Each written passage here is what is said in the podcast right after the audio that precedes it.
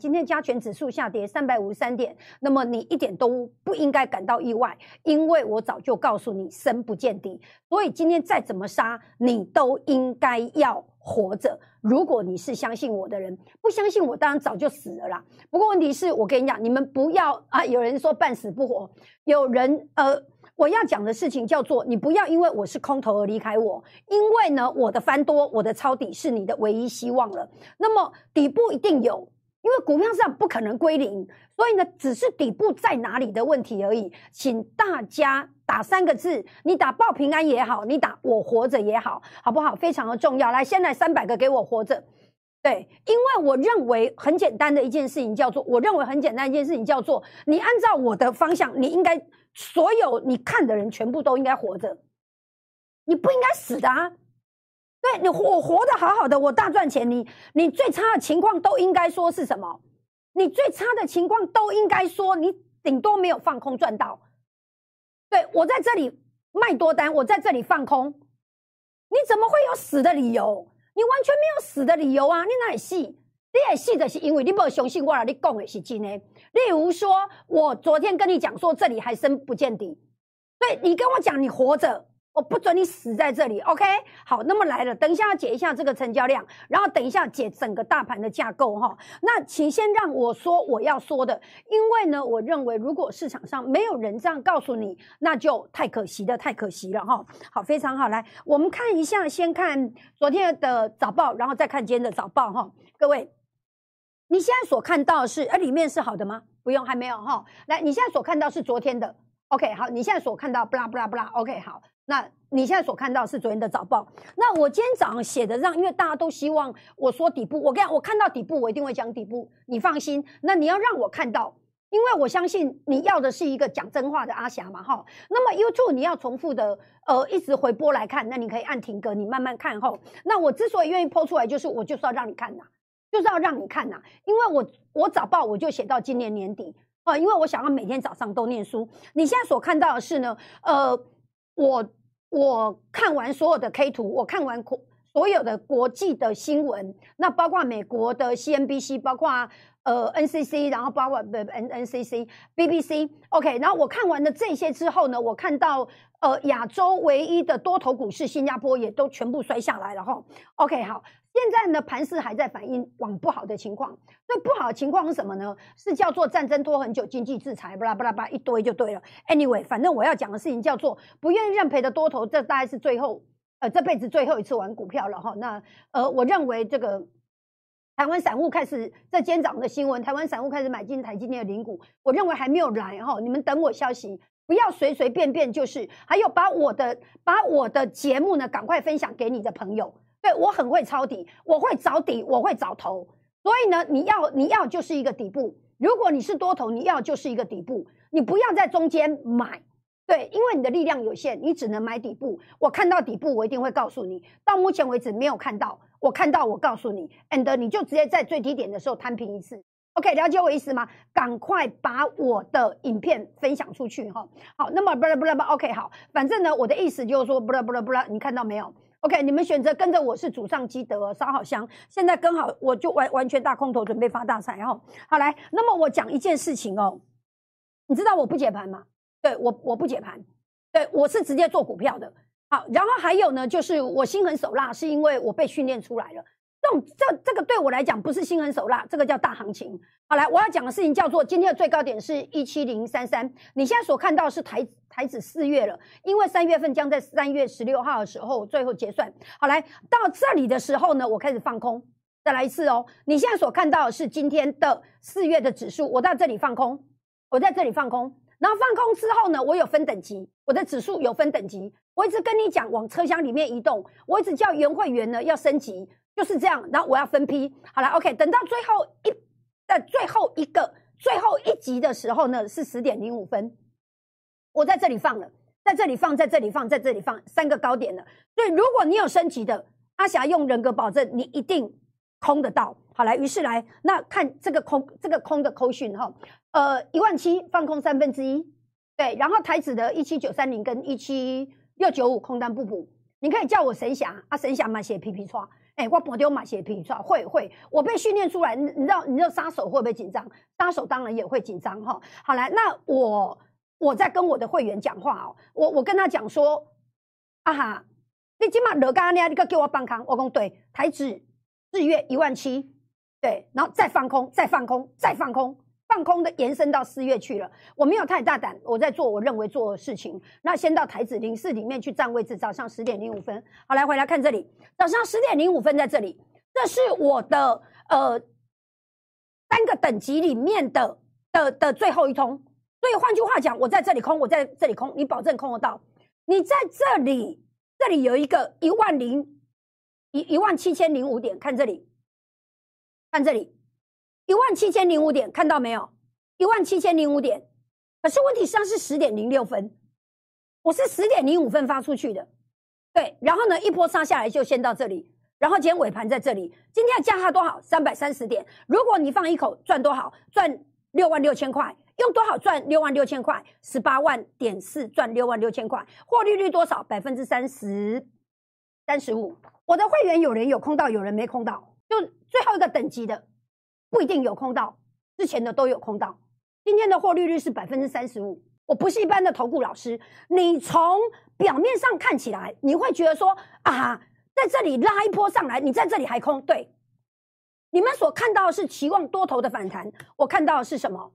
是空，哎，第二个主跌段里面的第二个跳空缺口。来，我在这里空一七九三零，一七六九五，这就隔天，对，补一口，这里还没有补。注意看这里，我用十八万赚了二十三万，婆婆箱拿去了。我用十八万赚了十九万八，这个还没有补。今天的收盘多少？一万七千，呃，一一万六千七百点，一万六千七百点，在这里七百零二。再过来一次，这是不是你要赚的钱？你问我有没有大行情？有。等我空完了，我我当然会翻多。到底部我当然会翻多，可是这里还没，你们等我一下。我是你唯一的希望了。如果你离开我是因为我是空头，那我告诉你，太悲哀了，你太可悲了，你太悲哀了。你正在一个对的事情上，你们等我就好。那问题是，哎，瓦青，我起码跟我们怎样？但是我觉得好像等我这一波做完，等我这一波做完，它是一个波段。所以你看到哦，我整个三月份里面，三月初我在二月十号的时候我就空了，空了补，空了补。我抢了一个反弹，这里是战争开打的第一天，是真的。然后呢，也赚了三十五趴。然后呢，再空下来，略垮掉不？三月一号，然后呢，三月二号休息一下，三月三号就空了，三月四号空，看到没有？我用十八万。你知道棋子里面，你知道指数里面有个非常重要特色，来听我说哈。导播，你画面停留在这里，我要给大家趁这时候教育一下。我们做股票，我买股票，and 我卖股票，我卖股票的时候，我才能拿到钱。指数不一样，指数用结算价呢，它就要你补钱或者什么出金。什么叫出出入的出？金是金钱的金，出金。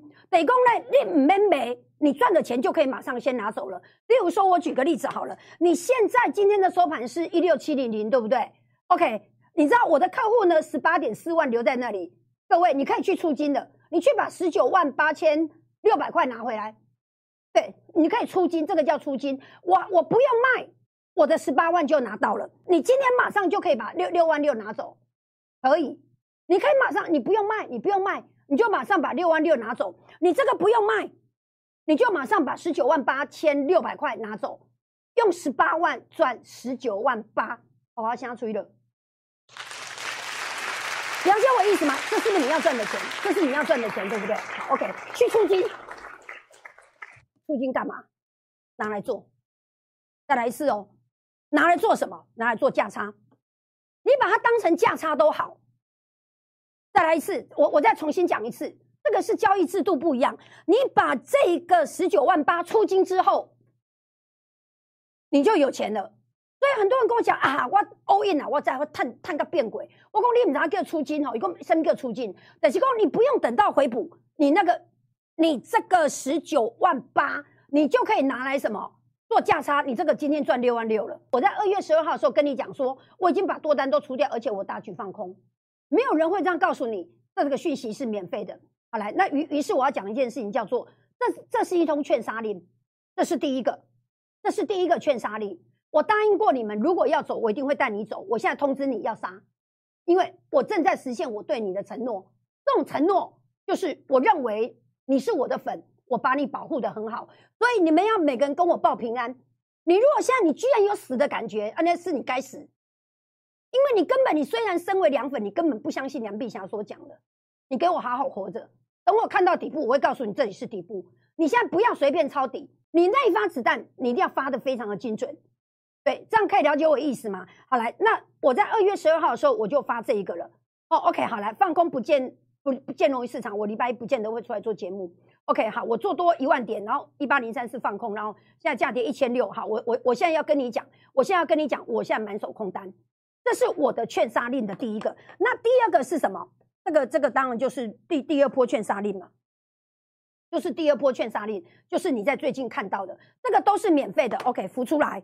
哦，浮出来我会给你，我答应你，我到底部我也会给你个什么券买进，我到底部我也会给你一个券买进。好，OK，于是开始来了哈。好，那现在呢，我来回来盘势来，这样可以了解一下。你现在看到节目，记得要浮出来哈，记得要浮出来。好，那么来，呃，千万不要潜水，因为潜水是一件非常没有意义的事情。对我打定主意，我不会在潜水课里面身上花一毛钱，不会，你永远收不到我的讯息，我连贴文串我都不会贴，我全面的封了，哦，全面的。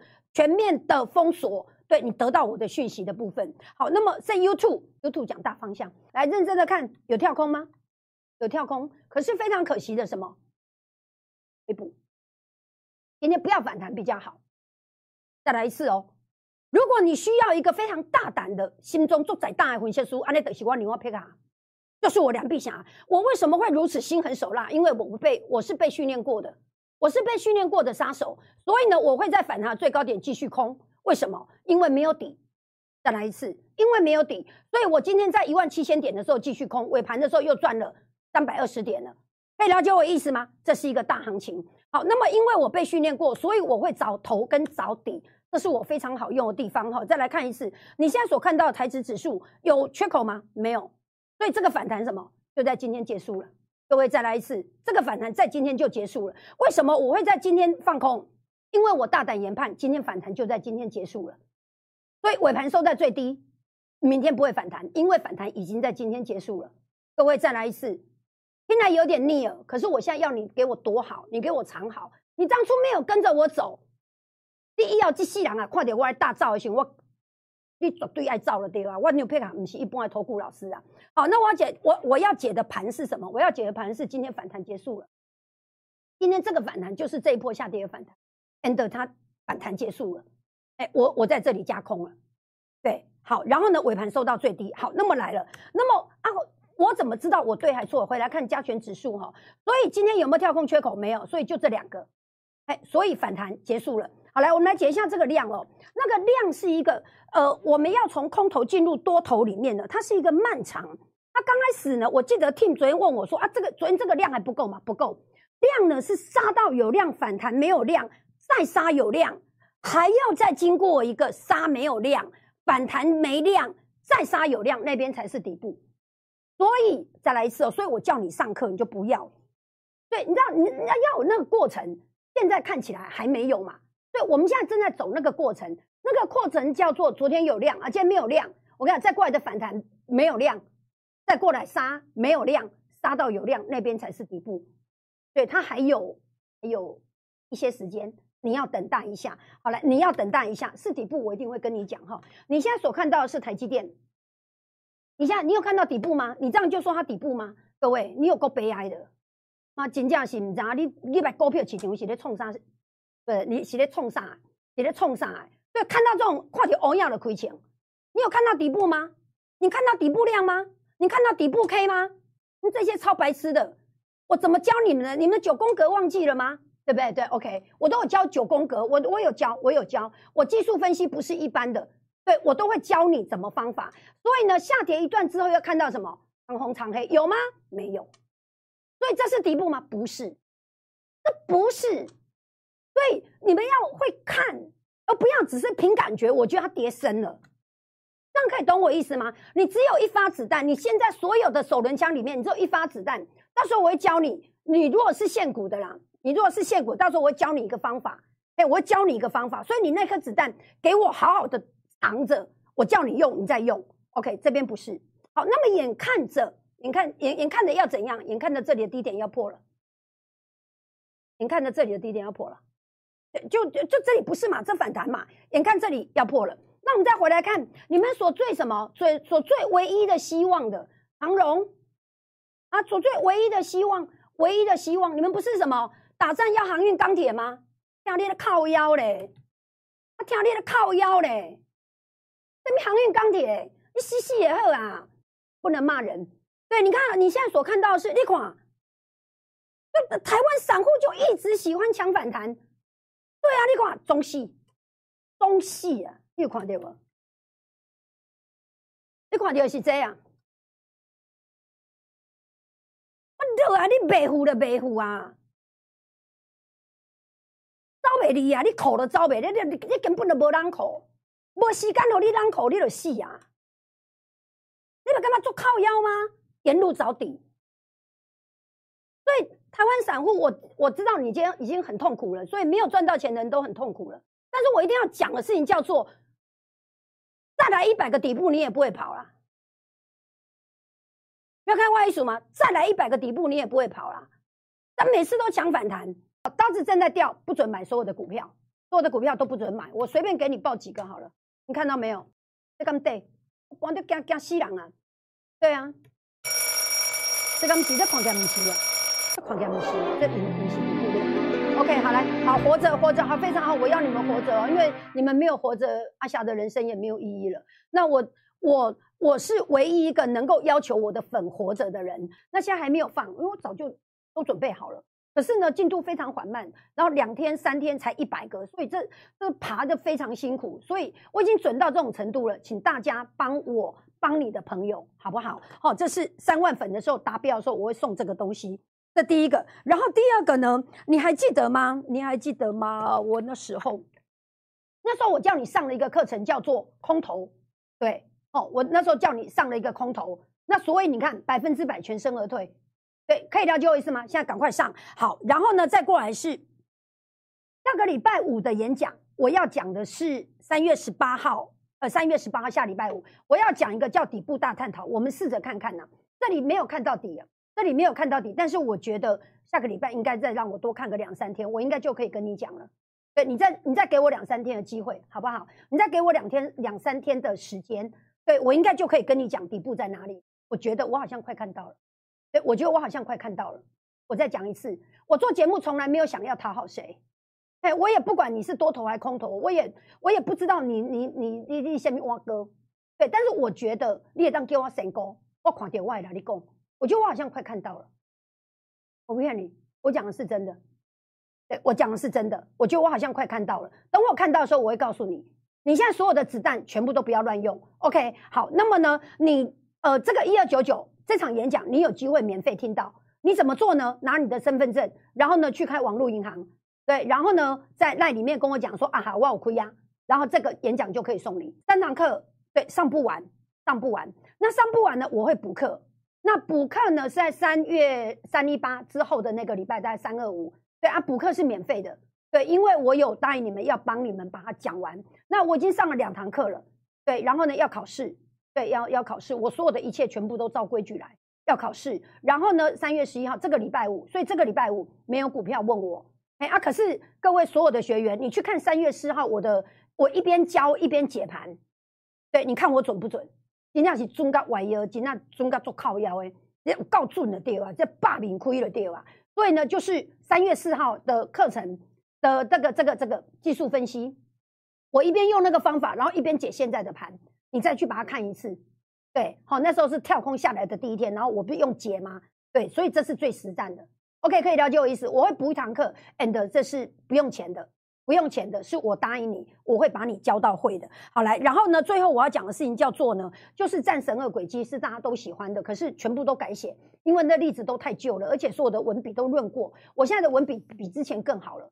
对，所以呢，那我要讲的事情叫做呢，前五百名有送。精美盒子，昨天好像两百五，现在好像今天剩两百五，搞不好我今天一宣布之后，明天就没有了。哦，这样可以了解我意思吗？好，这个早鸟早鸟价，这三天的量越大越好。可是我认为应该不会杀出这种量，我怕的是量缩。我再重新说一次，今天已经一六八二五了，这里一六一六二、一六一六，很快可能三天内就来了。那么三天内如果量如果来一六一六二，然后量是说的不要买，我现在只能先看到这样。对，然后呢，今天的反弹在今天结束了，所以明天继续跌。我再重新说一次，不知道会不会太大胆，但是 anyway，我我觉得对好，OK，那个反弹在今天结束了，因为这里其实今天根本连反弹都不要有才对，哎，反弹在今天的上影线结束了，所以不要期望明天反弹，明天继续跌，明天继续跌，然后如果明天继续跌往下，因为今天是量缩的，所以如果明天量缩，那就那那就那就继续往下了，对，就继续往下了。不要随便的买股票，所有的股票都不要买，手伸出去就会被剁掉。对手伸出去就会被剁掉，所以呢，先让这一波的往下宣泄，然后呢，我看到底部，我再跟你讲。到目前为止，我能够说的是这样。我要告诉所有的会员，请麻烦你们升级，因为因为今天的一万七千点的空点，对，已经有人空没有空到，对，但是呢，三分之二人都有空到，有三分之一的人可能没有空到，那。我鼓励你们去出金，然后呢升级，然后呢赶快往前就对了，因为后面还有更多人要进来。好，那么不要买股票，因为这里还没有看到底部，应该快了。再让我看三天，我就会跟你讲底部在哪里了。因为我看量，我不是看价，我就会跟你讲啊，底部大概在这里，然后破哪里，然后怎么样，这样好不好？OK，感谢您今天的收看，然后请大家跟我帮我按赞，然后帮我分享，还有呢就是卖杯股票。然后请大家跟我报平安，请盘后才看到人呢，在评论区里面，然后帮我打对报平安，然后我活着，谢谢神侠，感谢您今天收看，我们明天同一时间再见，不要买股票哈，拜拜。